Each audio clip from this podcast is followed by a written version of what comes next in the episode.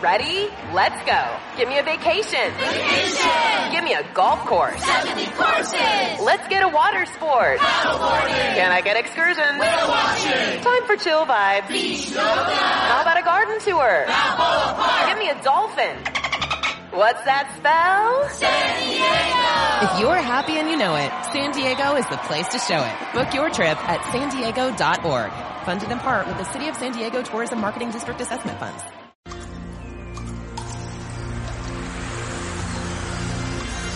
Temps de salut, un espai en el que es parla de medicina tradicional, de medicina alternativa, de psicologia i de creixement personal.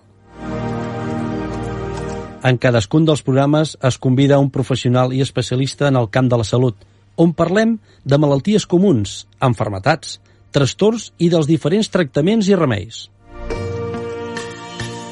Tingueu en compte que la salut és l'estat natural de l'ésser humà.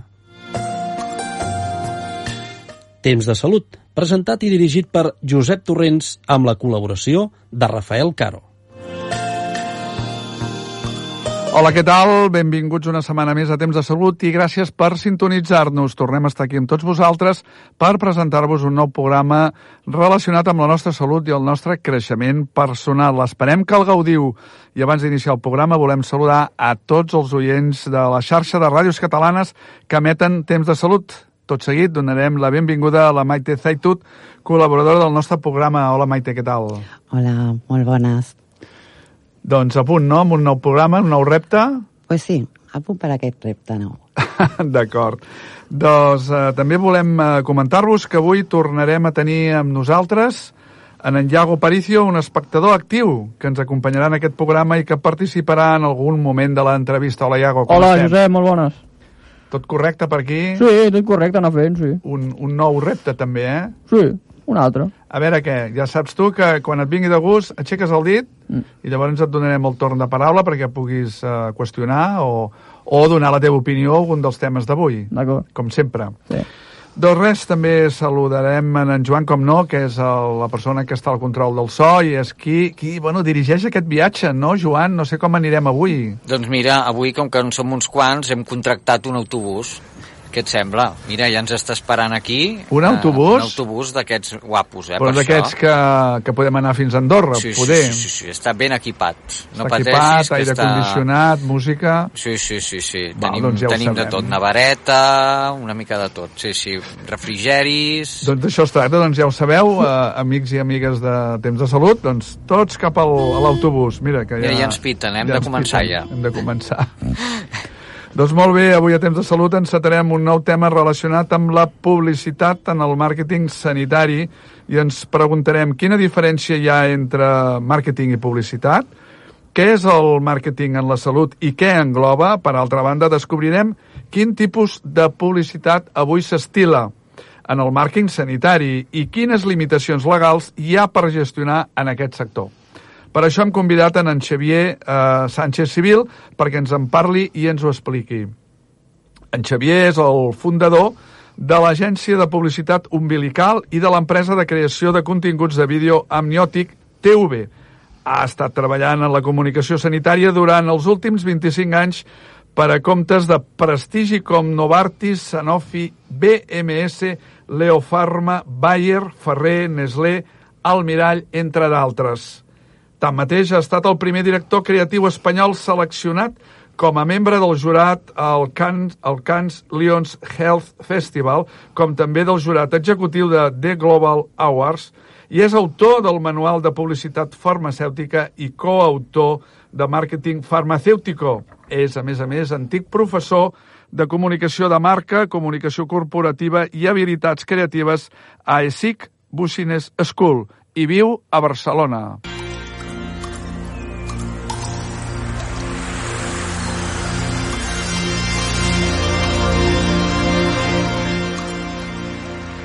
Com en altres camps, la medicina evoluciona i amb ella també els professionals de la salut en el seu sentit més ampli.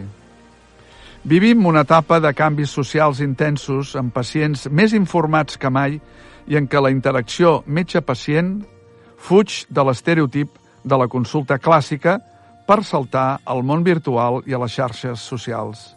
de manera que aquestes han deixat de considerar-se com una eina de lleure per ser una eina d'ús professional. Tots aquests canvis generen un nou escenari en la relació metge-pacient, per la qual cosa el món de les xarxes socials i de com es mostren els professionals de la salut ha suposat la obertura a nous sistemes que semblaven fins ara batats a la sanitat. D'aquesta manera, també la publicitat i el màrqueting s'han introduït amb força a l'àmbit sanitari i s'han adaptat a les noves tecnologies amb la intenció de captar clients, promocionar un producte, facilitar els hàbits de prevenció, resoldre dubtes directament o donar visibilitat a un centre mèdic, a una clínica o a un professional autònom. Amb aquesta introducció obrirem l'entrevista d'avui i coneixerem l'opinió i l'experiència del nostre convidat. Arrenquem!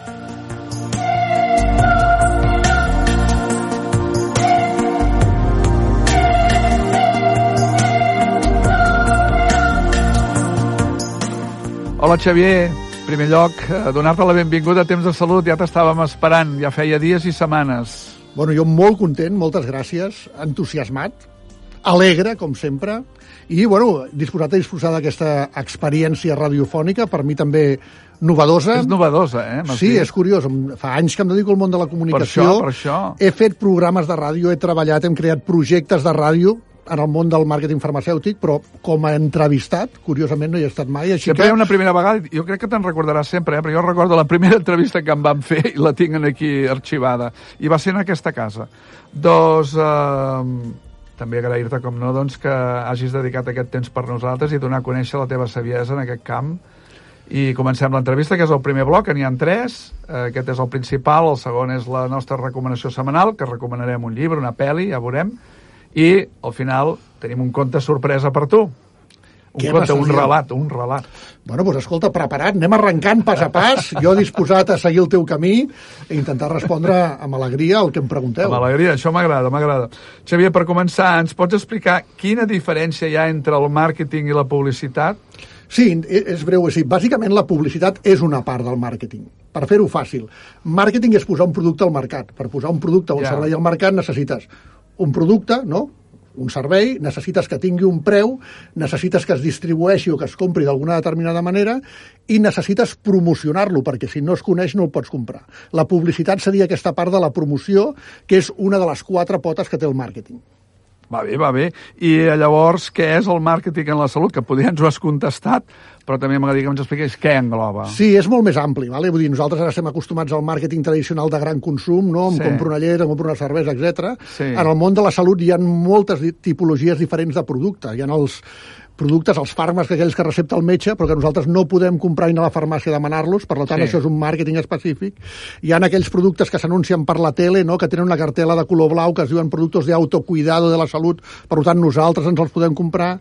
Hi han productes que són nutracèutics o dermocosmètics, que és una altra teoria del màrqueting, productes de parafarmàcia, una tirita és salut, no? o comprar alcohol o oxigen també. és salut, però al final no és un, és un producte que tu pots comprar, o finalment, dintre del màrqueting també hi hauria tota la part de institucional. Vale? Per exemple, la Marató de TV3 no deixa de ser màrqueting de salut, no? intenta recaptar fons per poder fer salut. És a dir, que és un, és un ampli molt complex. O, per exemple, nosaltres estem treballant en un projecte d'una escola de pilates. És salut i és benestar, no? Perquè és algo físic. Per tant, el món del màrqueting de la salut és molt més ampli i bàsicament perquè l'oient ho entengui ho distingiria de dues maneres és tota aquella comunicació que es dirigeix al metge o al professional farmacèutic o al col·lectiu mèdic, no? el que se li comunica, i tota l'altra que es dirigeix al gran públic o a la societat, que seríem nosaltres. Clar, clar, clar, és ben diferent.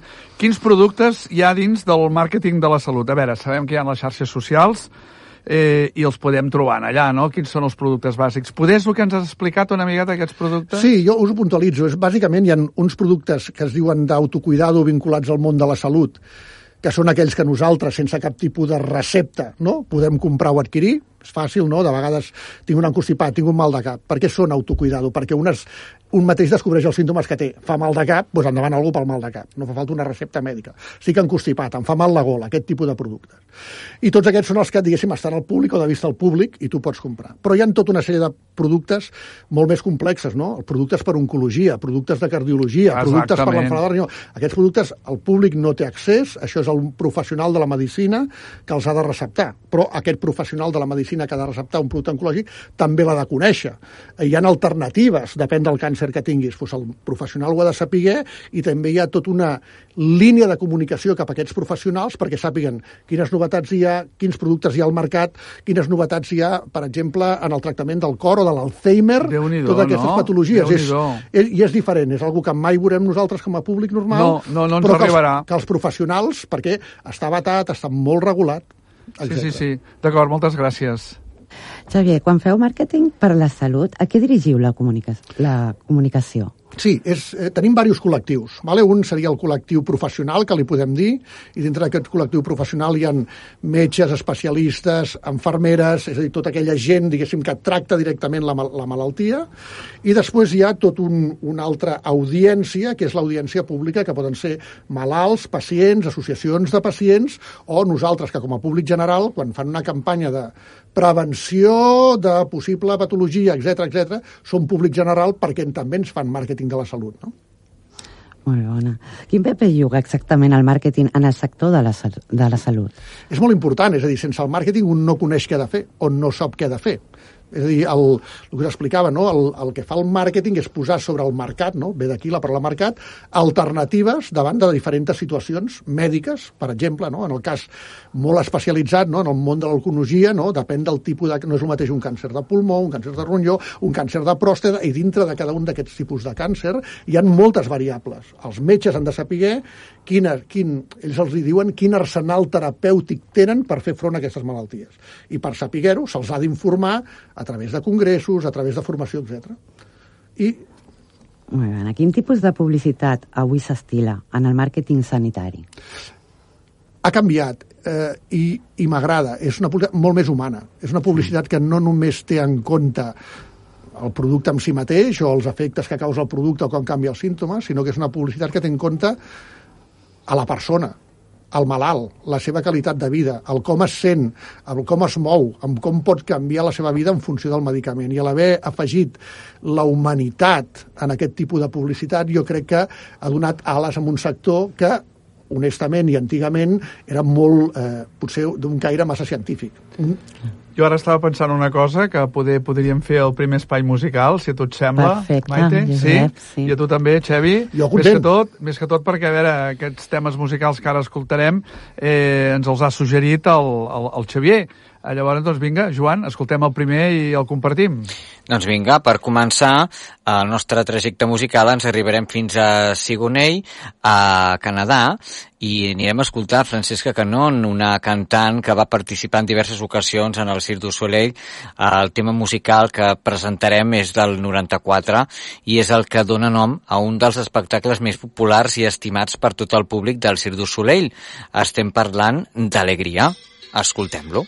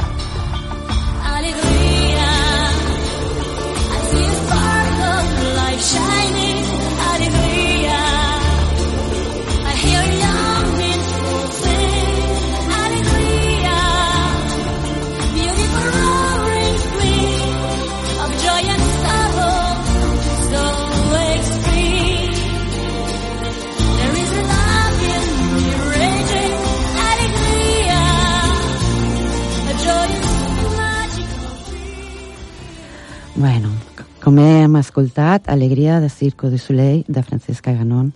Alegria va ser un espectacle de Cirque du Soleil i que a la vegada dona nom al tema que acabem d'escoltar.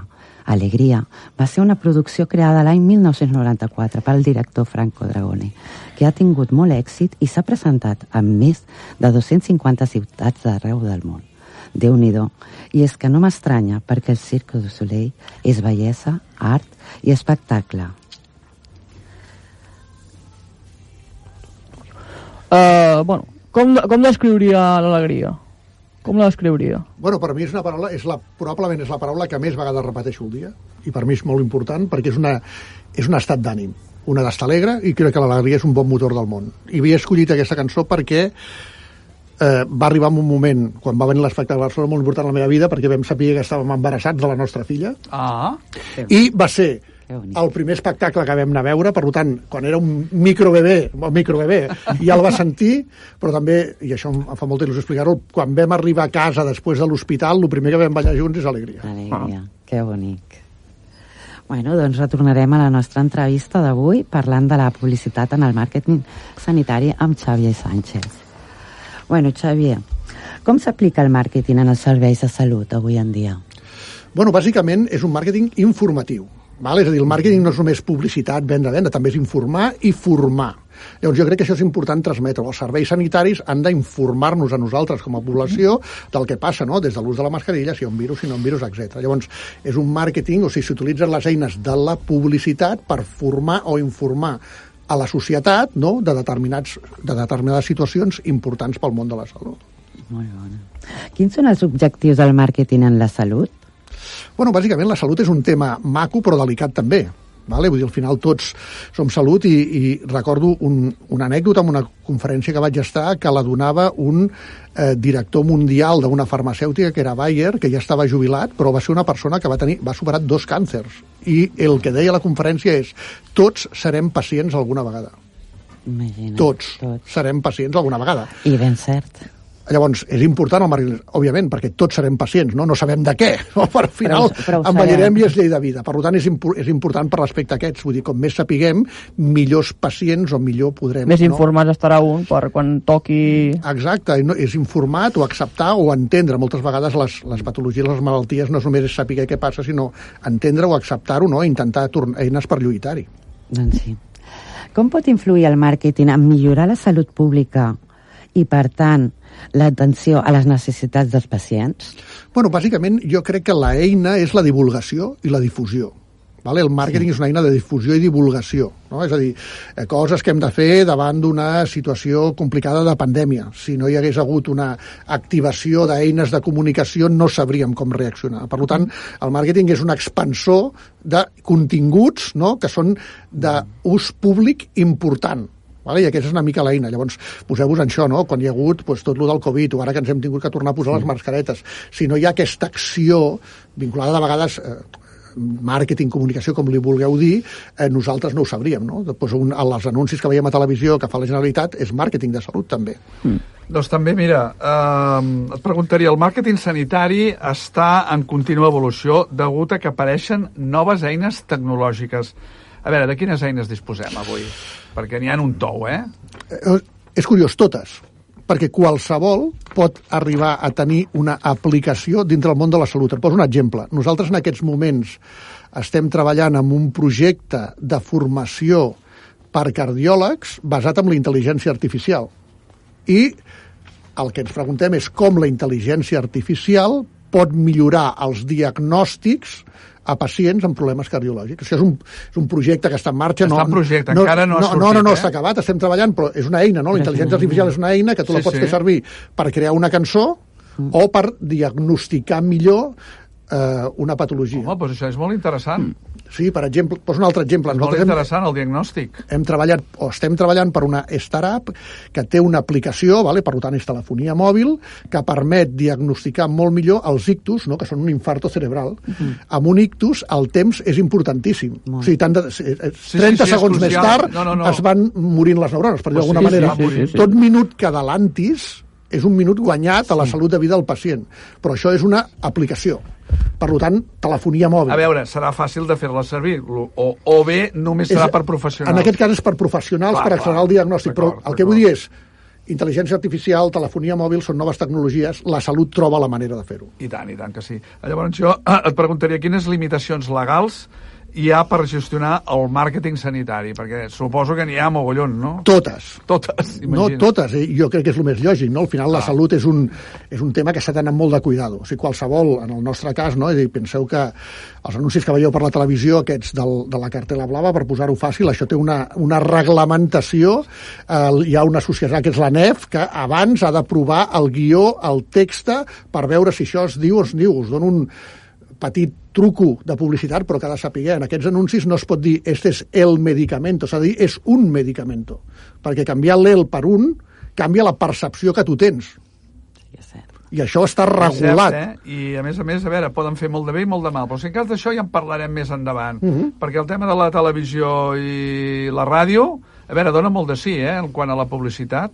Bé, eh, anar a parar a internet. Anem a, anem a parlar dels internautes, no? Vinga. Per solvoltar eh, dubtes de salut ha esdevingut un, una, una costum per molts usuaris i sabem que bàsicament un 90% dels internautes ho fan, consulten, volent o sense voler, tens la, la curiositat de dir, ostres, aquests símptomes, aquests signes o aquesta malaltia que m'ha dit el metge, a veure, quines repercussions tindrà en mi. Hem de confiar en tot el que apareix a internet? Mira, el que dius tu, a nosaltres en diem l'efecte doctor Google. és el doctor Google, no? Pues a, veure, a veure què diu el doctor Google. A veure, és el Google. Llavors, el, la clave quina és aquí? És, o sigui, tu pots consultar el que vulguis, la clau està en saber amb quines fonts consultes. Clar, no és el mateix consultar-ho a l'associació de pacients de malalt d'Alzheimer, que, no? que és un contingut que està vist per aquest personat, no és el mateix consultar-ho a la, jo que sé, a la, a la web de l'Hospital Clínic o a la web de la Generalitat, lògicament. que anar a la clínica Paquito Pérez, que te habla de problemes dermatològics, vull dir-ho amb tot, amb tot el carinyo del món, que probablement deu tenir un bon contingut, però no necessàriament té que estar supervisat per als, no? per als, eh, per als ministeris o per la, la legislació determinada. Molt bé, doncs a veure, com pot ajudar aquest internet eh, i el màrqueting digital en la prevenció de la nostra salut? Pel que tu coneixes, pel, pel que tu domines. Sí. Com creus? Eh, doncs és això, però bàsicament és el mateix, no? És a dir, tenir, disp, en, avui dia disposem d'un volum d'informació que mai havíem disposat nosaltres com a usuari. Per tant, amb què ajuda internet? Podem accedir a mil informació visual, audiovisual, llegida, no llegida, escoltada, en format o podcast, el que vulguis. I aquesta és la gran eina d'internet, accés a la informació. Llavors, aquest no és el problema, jo crec que la clau està en triar bé quina és La la, font, font, la font, a la la qual font. tu acudeixes per fer-lo. Però internet ha canviat totalment la percepció aquesta. Internet, entenent també internet que tu avui dia pots fer videovisites a través de videoconferències. Bé, ja es fan, ja es Ja es fan. fan. Per tant, Sí, sí. això també és internet, no? Vull dir, al final ens suportem sobre el Sí, sí, sí, canal. és això, és el que tenim ara, i això d'aquí poder, a veure, en, en, en època de Covid, doncs és el que fèiem servir, el que teníem que fer servir, i ara doncs és un aplicatiu que s'utilitzi i es continua utilitzant, no? No, absolutament, i serà la normalitat. I Eh? serà la normalitat. S'està treballant per això. exactament. Doncs molt bé, Xavier, a veure, ara parlem, farem un altre registre, no?, que també ens agradarà doncs, parlar-ho.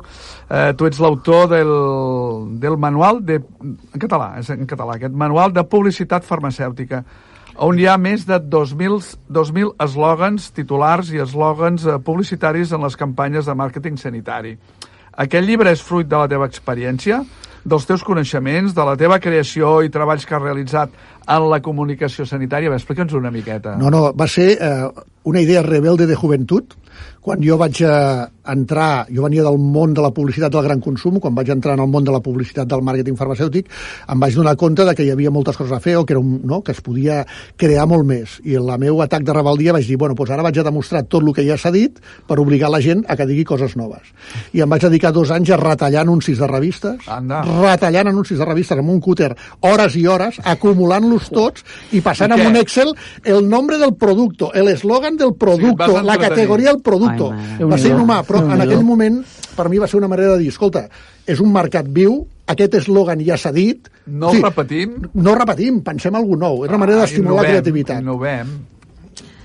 Bueno, i parlant de la publicitat farmacèutica i dels farmacèutics, crec que els farmacèutics, com a experts en el medicament, desenvolupen una important tasca d'educació sanitària, tant al món físic com l'entorn digital. Quin paper juguen els farmacèutics en la publicitat i el màrqueting sanitari? És importantíssim, és clave, perquè és el connector. És el connector entre el pacient i el metge, perquè és el que entrega el medicament. Llavors, el, el, el farmacèutic té un rol molt important i sobretot un rol comunitari. No? El farmacèutic és com el, el, el flaquer, no? Coneix a la gent, sap què li passa, coneix els seus rols, i el farmacèutic no és un prescriptor, però pot ser un recomanador. Això és important, eh? El metge prescriu, Sí. El farmacèutic recomana, però recomana des d'una experiència i una sabidoria. I l'altre punt important és aquest, eh? la farmàcia cada cop s'està convertint, i més amb el tema de la pandèmia, no? com un pilar de la comunitat. Les farmacèutiques, nosaltres hem treballat en projectes, eh, vam crear els Premis Farmàcia Sostenible.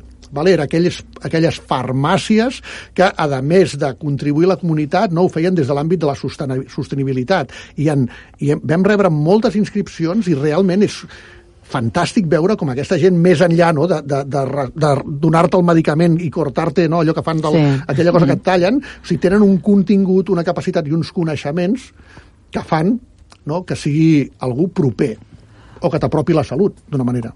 Molt ben dit.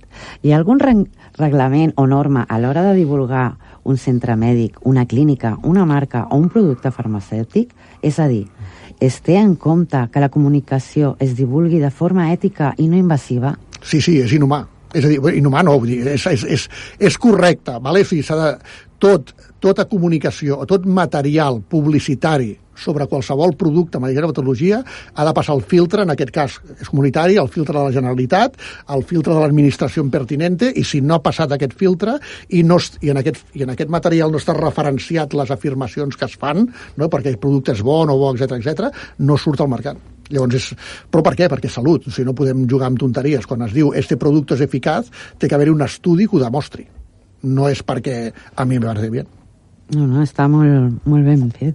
Tu que ets el fundador de l'agència de publicitat umbilical i de l'empresa de creació de continguts de vídeo Amniotic TV, què feu exactament? Campanyes publicitàries?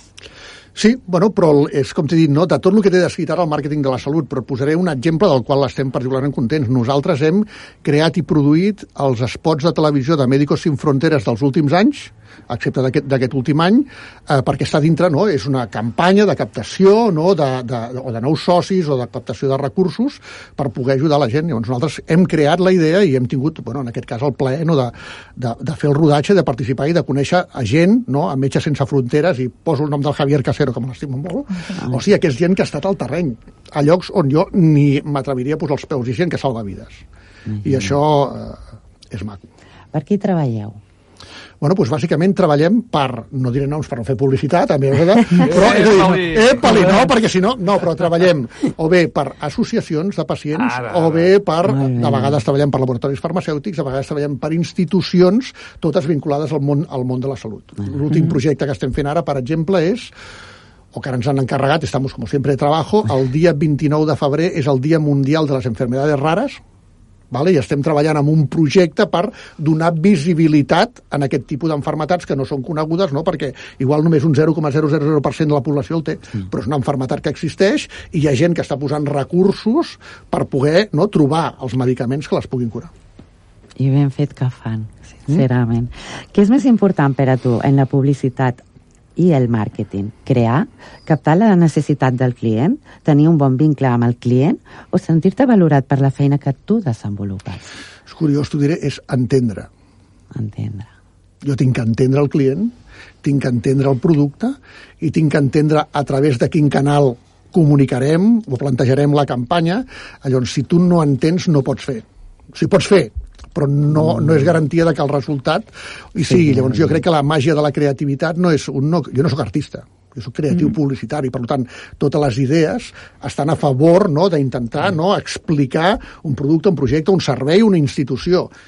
Llavors, tinc que entendre la cultura, l'essència, per poder-la transmetre, que la meva feina és comunicar, no? o trobar aquest fil de comunicació que connecti o empatitzi amb la gent. Molt bé, doncs si en cas farem una altra, una altra cosa, serà comunicar-nos a través de la música, si tu Amb sembla... aquella, fodem-li... Ai, perdó. Sí, sí, pots expressar-te. Sí, perdó, perdó. Que Pots no- expressar-te, vull dir, ha sigut un esclat d'alegria. Sí, home, exacte, exacte, exacte. Sí o no? Sí, és doncs bé, si en cas ara doncs, anem pel segon espai musical, que bé, és un tema que tu ens has suggerit, Ah, i ara el comentarem perquè també és molt xulo. Endavant, Joan. Doncs vinga, a continuació ens desplaçarem fins a Coldbank, a Anglaterra, per conèixer la veu i la música de Peter Gabriel, amb un tema publicat el 1977 que porta per títol Salisbury Hill, turó de Salisbury. Escoltem-lo? Vinga, som-hi!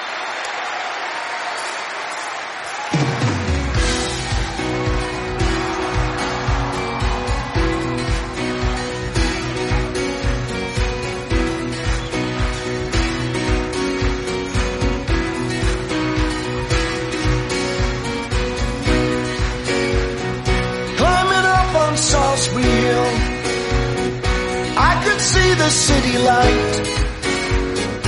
Wind was blowing, time stood still. Eagle flew out of the night.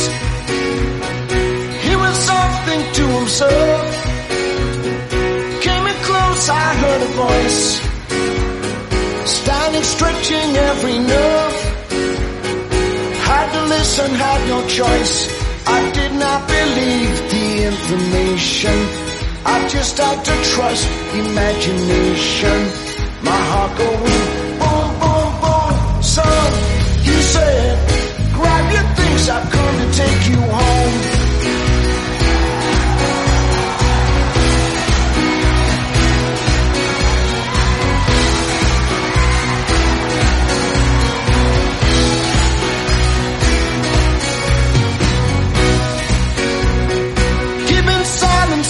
I. My friends would think I was a nut. Turning water into wine. Open doors would soon be shut. So I went from day to day. Though my life was in a rut. Till I thought of what I'd say. Or which connection I should cut. I was feeling the scenery. I walked right out of the machinery. My heart going boom, boom, boom. Son, he said. Com us hem comentat, a Salisbury Hill és una cançó del cantant i compositor anglès Peter Gabriel. La seva lletra parla del misticisme que l'autor va experimentar al capdamunt del turó de Salisbury, al comtat de Somerset, a Anglaterra. Gabriel, Peter Gabriel, va escriure la cançó després d'abandonar el grup Genesis, del qual havia estat cantant i principal lletrista des de la seva creació. A més a més, aquest tema va ser utilitzat en diverses pel·lícules, per exemple, la banda sonora original de Vanilla Sky en l'any 2001 i In the Good Company en l'any 2004, així com en un tràiler no oficial en el Resplendor. Xavier, per què ens has suggerit aquest tema tan guapíssim de Peter Gabriel? És la frase, tornar a casa. Tornar a casa? Això és molt important per mi. A veure, Llavors, a veure, és molt curiós perquè per mi aquesta cançó té dos fases. Jo l'he sentit amb dos cops molt determinats de la meva vida. Un és, quan feia la mili, me'n va tocar la mili Madrid i agafava com un autocar els diumenges a la nit que conduïa tota la nit no, per Sí, sí, anar a arribar al quartel. Exacte. Llavors, quan allà sentia Salisbury Hill, per mi el concepte de tornar a casa era, o sigui, tinc Ah. ganes de tornar a casa. Però amb l'edat i quan he intentat madurar i quan he crescut una mica més, el concepte de tornar a casa significa és algo més espiritual, és tornar a les teves arrels, tornar a ser qui ets, entendre qui ets i trobar el teu camí. Perquè una cosa, et faré una pregunta atrevida, em llenço a la piscina. Tu que ets un home, ets humanista, espiritual o místic? pues, eh, jo diria les tres coses. Les tres coses. Jo sóc un humanista júnior, júnior perquè o sigui, m'agrada molt l'humanisme, però vull dir, la meva ànsia de conèixer és molt més gran del que puc arribar a saber, llavors em considero un humanista júnior. Seria molt ostentós per part meva dir que sóc humanista. M'agrada. Jo- T'agrada, però jo crec ja- que ja se't veu, eh? S'ha de Ja connectar amb la gent. Sóc espiritual perquè eh, jo he passat, com tots, no? la fase de ser religiós a ser espiritual. Per mi hi ha una diferència molt important. Llavors, sí, crec que en una part de la religió, però per mi l'espiritualitat és molt més gran que la religió. La religió és una manera d'entendre, l'espiritualitat connecta molt més. I si mires les religions, hi ha moltes religions que connecten amb l'espiritualitat, no, no amb el dogma o amb la manera de fer. I l'altre que m'has dit, cínic? Místic. Ah, místic, Místic. ja entens, sí, ah, místic. Pues sí, tinc un punt de misticisme. Jo crec que amb, crec en les connexions, crec en el, no? que de vegades les coses em passen, passen perquè han de passar, i de vegades jo em passo el temps i, més interpretant i diu, o sigui, el, no preguntant-me por qué me pasa en castellà, sinó para qué me pasa. Per a què? És, bona, i- bona i per- pregunta. sí, per sí, a no què? és per, clar, en català és més no per què em passa, sinó para, Para què, em què, pa- és para què em passa, sí, ¿vale? sí, però en sí. castellà s'entén millor, és por qué me pasa esto, que és la gent, o sigui, por qué me passa a mi, l'altre és no, para què me passa, què tinc que aprendre d'aquí. Pues molt maco, eh? Molt maco. Doncs, a veure, em permeto el luxe de, de, de llegir i de recitar un tros d'aquesta música que hem escoltat perquè de veritat que us posarà els pèls de punta. Pujant pel turó de Salisbury, vaig poder veure els llums de la ciutat. El vent estava bufant, el temps es va aturar, una àguila va sortir volant de la nit. Era una vista espectacular. Em vaig acostar, vaig sentir una veu, drets, amb els nervis de punta. Vaig haver d'escoltar, no tenia cap altra opció. No vaig creure la informació, només vaig haver de confiar en la imaginació. El meu cor fent pum, pum, pum. Fill, va dir ell, pren les teves coses, ha vingut per emportar-te a casa. Doncs bé, amb aquestes paraules continuarem amb l'entrevista i seré jo qui la continuarà per anar-la tancant.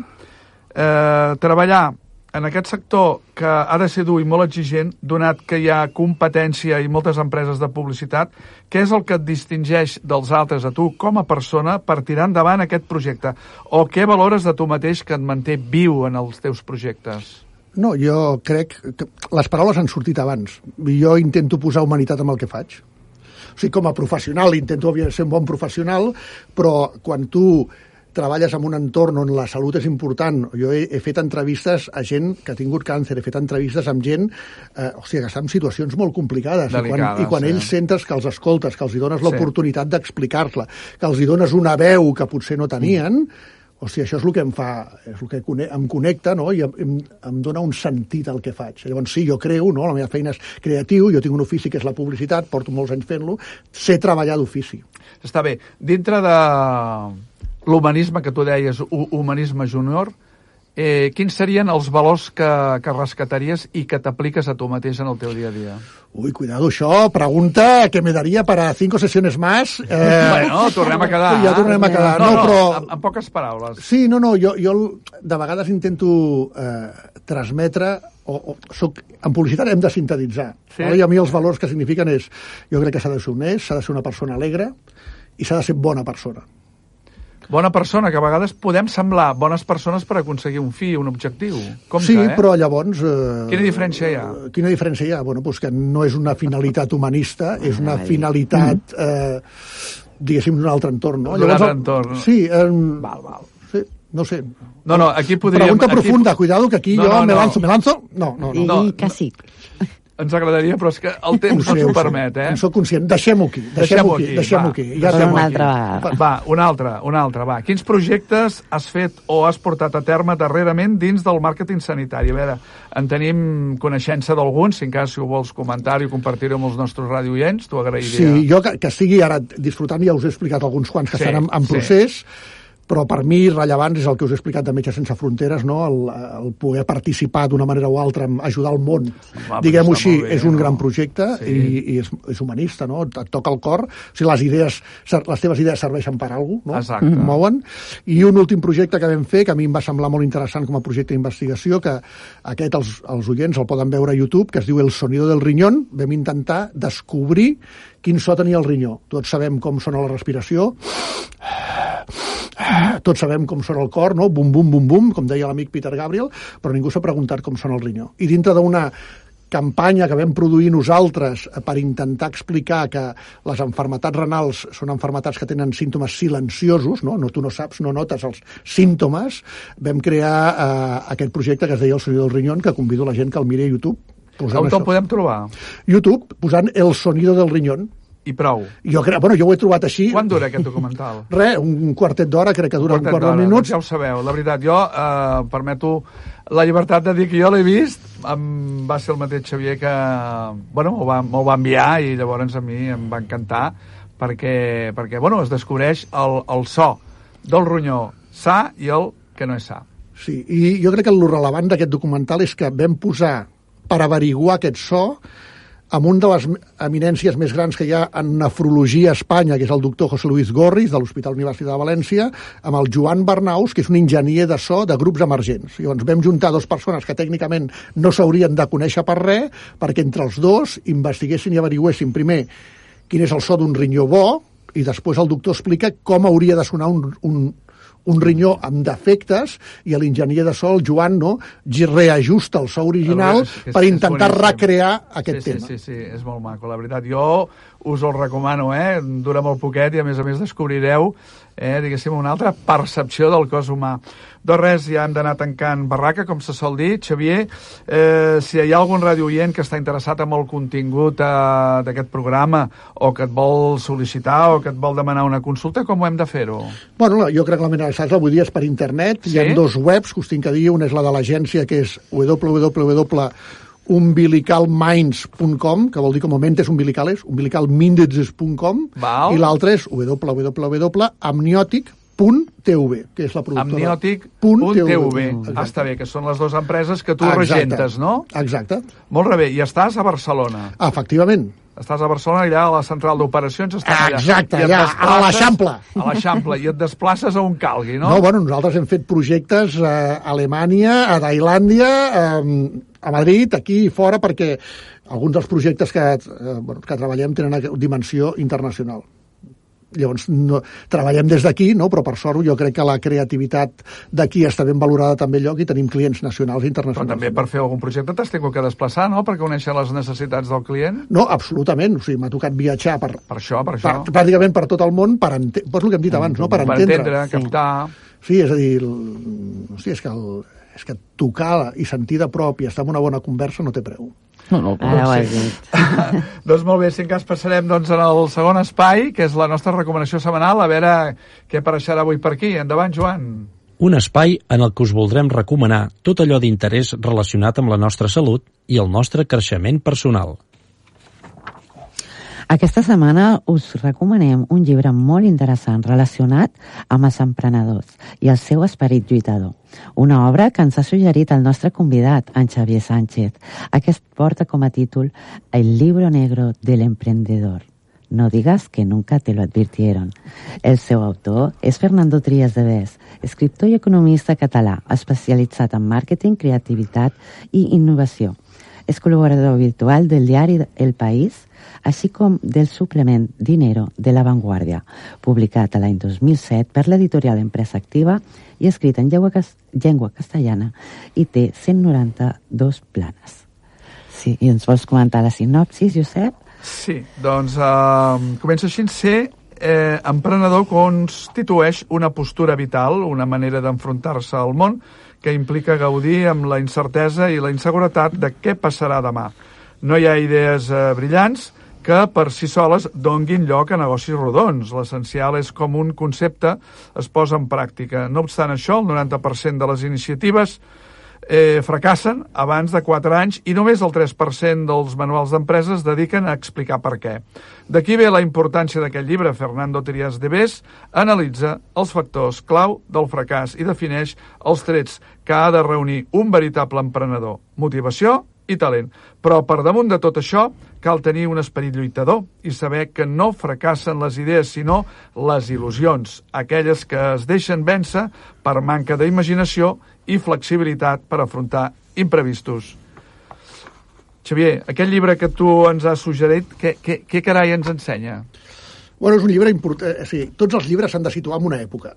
Jo en aquest, aquest llibre el vaig llegir a l'estiu on la, la meva dona estava de 8 mesos i vaig llegir dos llibres que eren importants per mi. Em va agafar, vaig tenir la crisi dels 40 i la paternitat tota la vegada i aquell estiu, quan encara faltava un mes perquè nasqués la meva filla, vaig llegir dos llibres. Un del Bruce Chatwin, que és un llibre de viatges preciós, mm -hmm. um, i aquest llibre, que és el llibre negre de l'emprendedor, i dels dos vaig aprendre. Del llibre de viatges del Bruce Chatwin vaig aprendre de que has de disfrutar del camí, no del destí. Uh -huh. I del llibre, del llibre negre de l'emprendedor el que vaig aprendre és dir, hòstia, pues, eh, sí que són moltes putades, però si estàs disposat a superar-les i perds la por, no? pues potser pots tirar endavant. I efectivament, sortint, acabant aquell estiu, eh, vaig eh, renunciar al projecte en el que estava eh, per crear el meu propi projecte.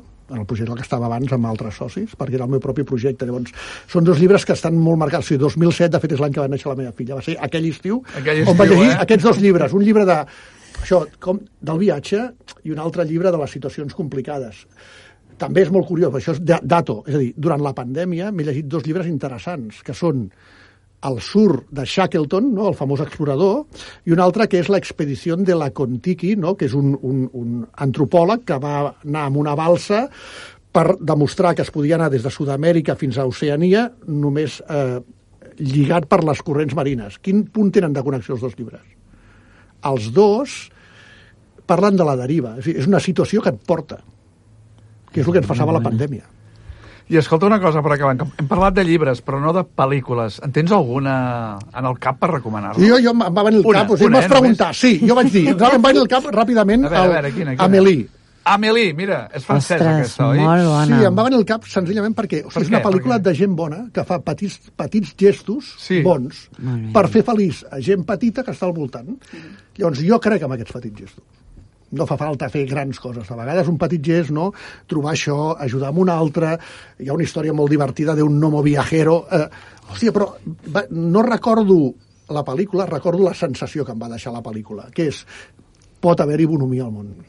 I n'hi ha, encara queda. No, no, estic convençut, per això li poso alegria, no? Sí, però, però de vegades és bo que ens ho recordem. Sí. No, no, ja està bé. Una de les coses que, que m'agrada de tu és aquesta transmissió, aquesta manera de ser que tens, que ens transmets constantment doncs, uh, aquesta passió i aquesta alegria, eh? No només és alegria, eh? Però això d'aquí a vegades costa, eh, mantenir el llistó. Jo no, No. sé si sempre et lleves de la mateixa manera, però Sí? és, uh, és, vaja... Jo crec que... Ener... Energia. Jo crec que, el, que o sigui, hem de transmetre energia positiva. Molt rebé, molt Totalment. rebé. Doncs bé, si cas farem una altra cosa. Ara eh, tenim una sorpresa per tu. Hem pensat en un conte, que aquest sí, amics i amigues, ell no el sap, vull dir, sap algunes coses de lo que hem comentat, ens ho hem preparat de la millor manera que hem pogut i sapigut, i després també hem improvisat, clar que sí, però tenim un relat per tu, Xavier, especialment, i per tots vosaltres. Endavant. El racó del conte, un racó de saviesa i ple de reflexions. El preu més alt. L'amo d'una joieria estava darrere el mostrador mentre mirava distretament al carrer. La porta es va obrir i una nena va entrar a la botiga. Es va acostar a la vitrina on hi havia joies i collarets. Els ulls li brillaven mentre mirava un cert objecte. Em pot ensenyar el collaret blau, si us plau? va demanar el joier. El collaret de turqueses? li va dir el joier. Sí, senyor, aquest d'aquí és per la meva germana. M'ho podria embolicar amb un paper ben bonic? Quants diners portes, nena? va preguntar l'home. Sense dubtar-ho ella, es va treure un mocador ben lligat de la butxaca i va col·locar les monedes que hi havia dins sobre el mostrador i va dir feliç «Oi que n'hi ha prou? Són tots els meus estalvis. Vull fer-li un regal molt especial a la meva germana perquè des que la nostra mare va morir, ella es cuida de mi i de tots els germans». El joier va agafar el collaret amb delicadesa, el va posar en una caixeta i el va embolicar. Aquí ho tens, nena. Porta-ho en compte i que la teva germana sigui molt feliç. La nena va sortir contenta, fent saltirons carrer avall. Encara no s'havia acabat el dia quan una noia jove de cabells arrissats i amb uns ulls molt bonics de color blau va entrar a la joieria. Va posar sobre el mostrador una caixeta amb el collaret de turqueses i va preguntar «Aquest collaret és comprat aquí?» «Sí, senyoreta. I em pot dir quan ha costat?» «Ah, senyoreta», va dir el joier, «el preu de qualsevol producte de la meva botiga és qüestió confidencial entre venedor i client». «Però, senyor», va continuar la noia, «la meva germana no tenia diners per comprar aquest collaret». El joier va agafar l'estoig i el va tornar a embolicar amb cura i el retornar a la jove. «Senyoreta», li va dir, «la seva germana ha pagat per aquest collaret el preu més alt que cap persona pugui pagar. Va donar tot el que tenia. El silenci va omplir la petita botiga i dues llàgrimes van rodolar per la cara emocionada de la jove. Va donar les gràcies i va agafar el paquet que contenia el collaret pel qual la seva germana havia donat tot el que tenia.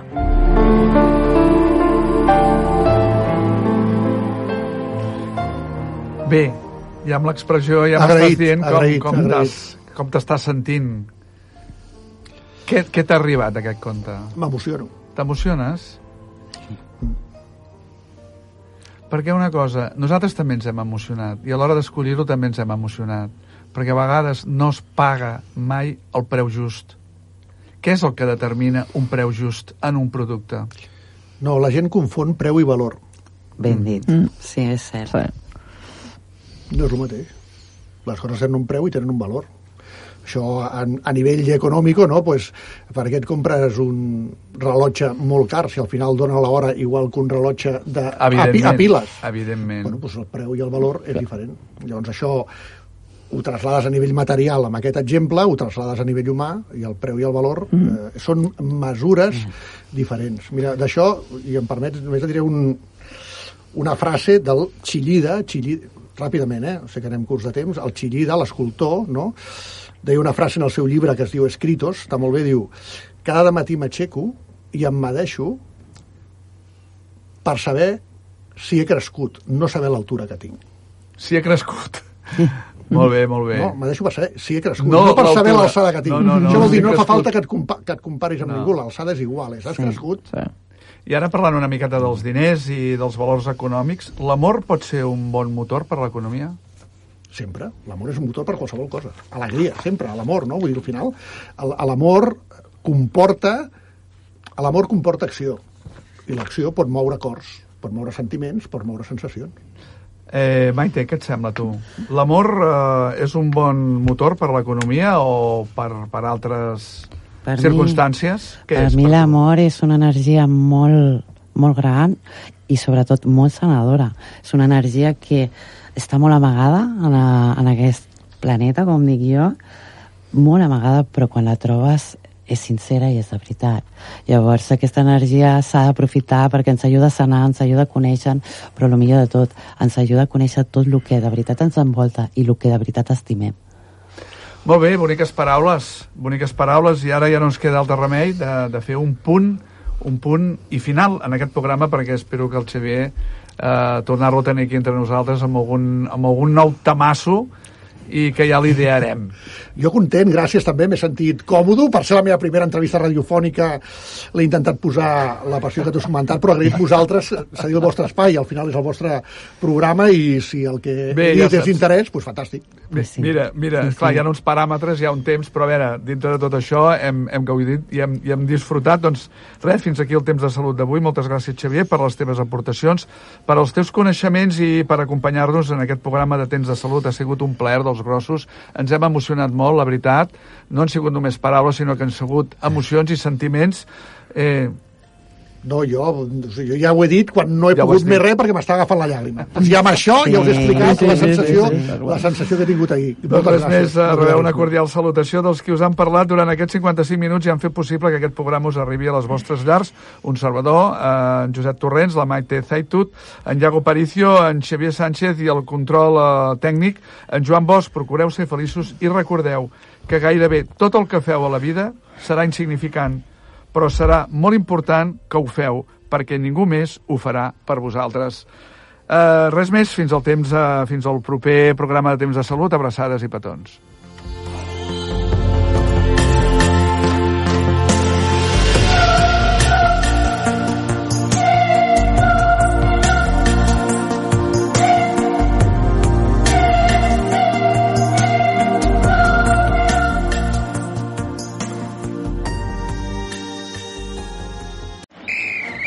Let's hit it.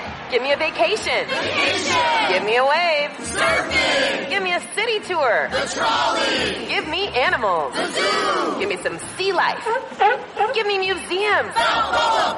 Give me a woo. Roller coaster. What's that spell? San Diego. If you're happy and you know it, San Diego is the place to show it. Book your family vacation at san diego.org. Funded in part with the City of San Diego Tourism Marketing District Assessment Funds.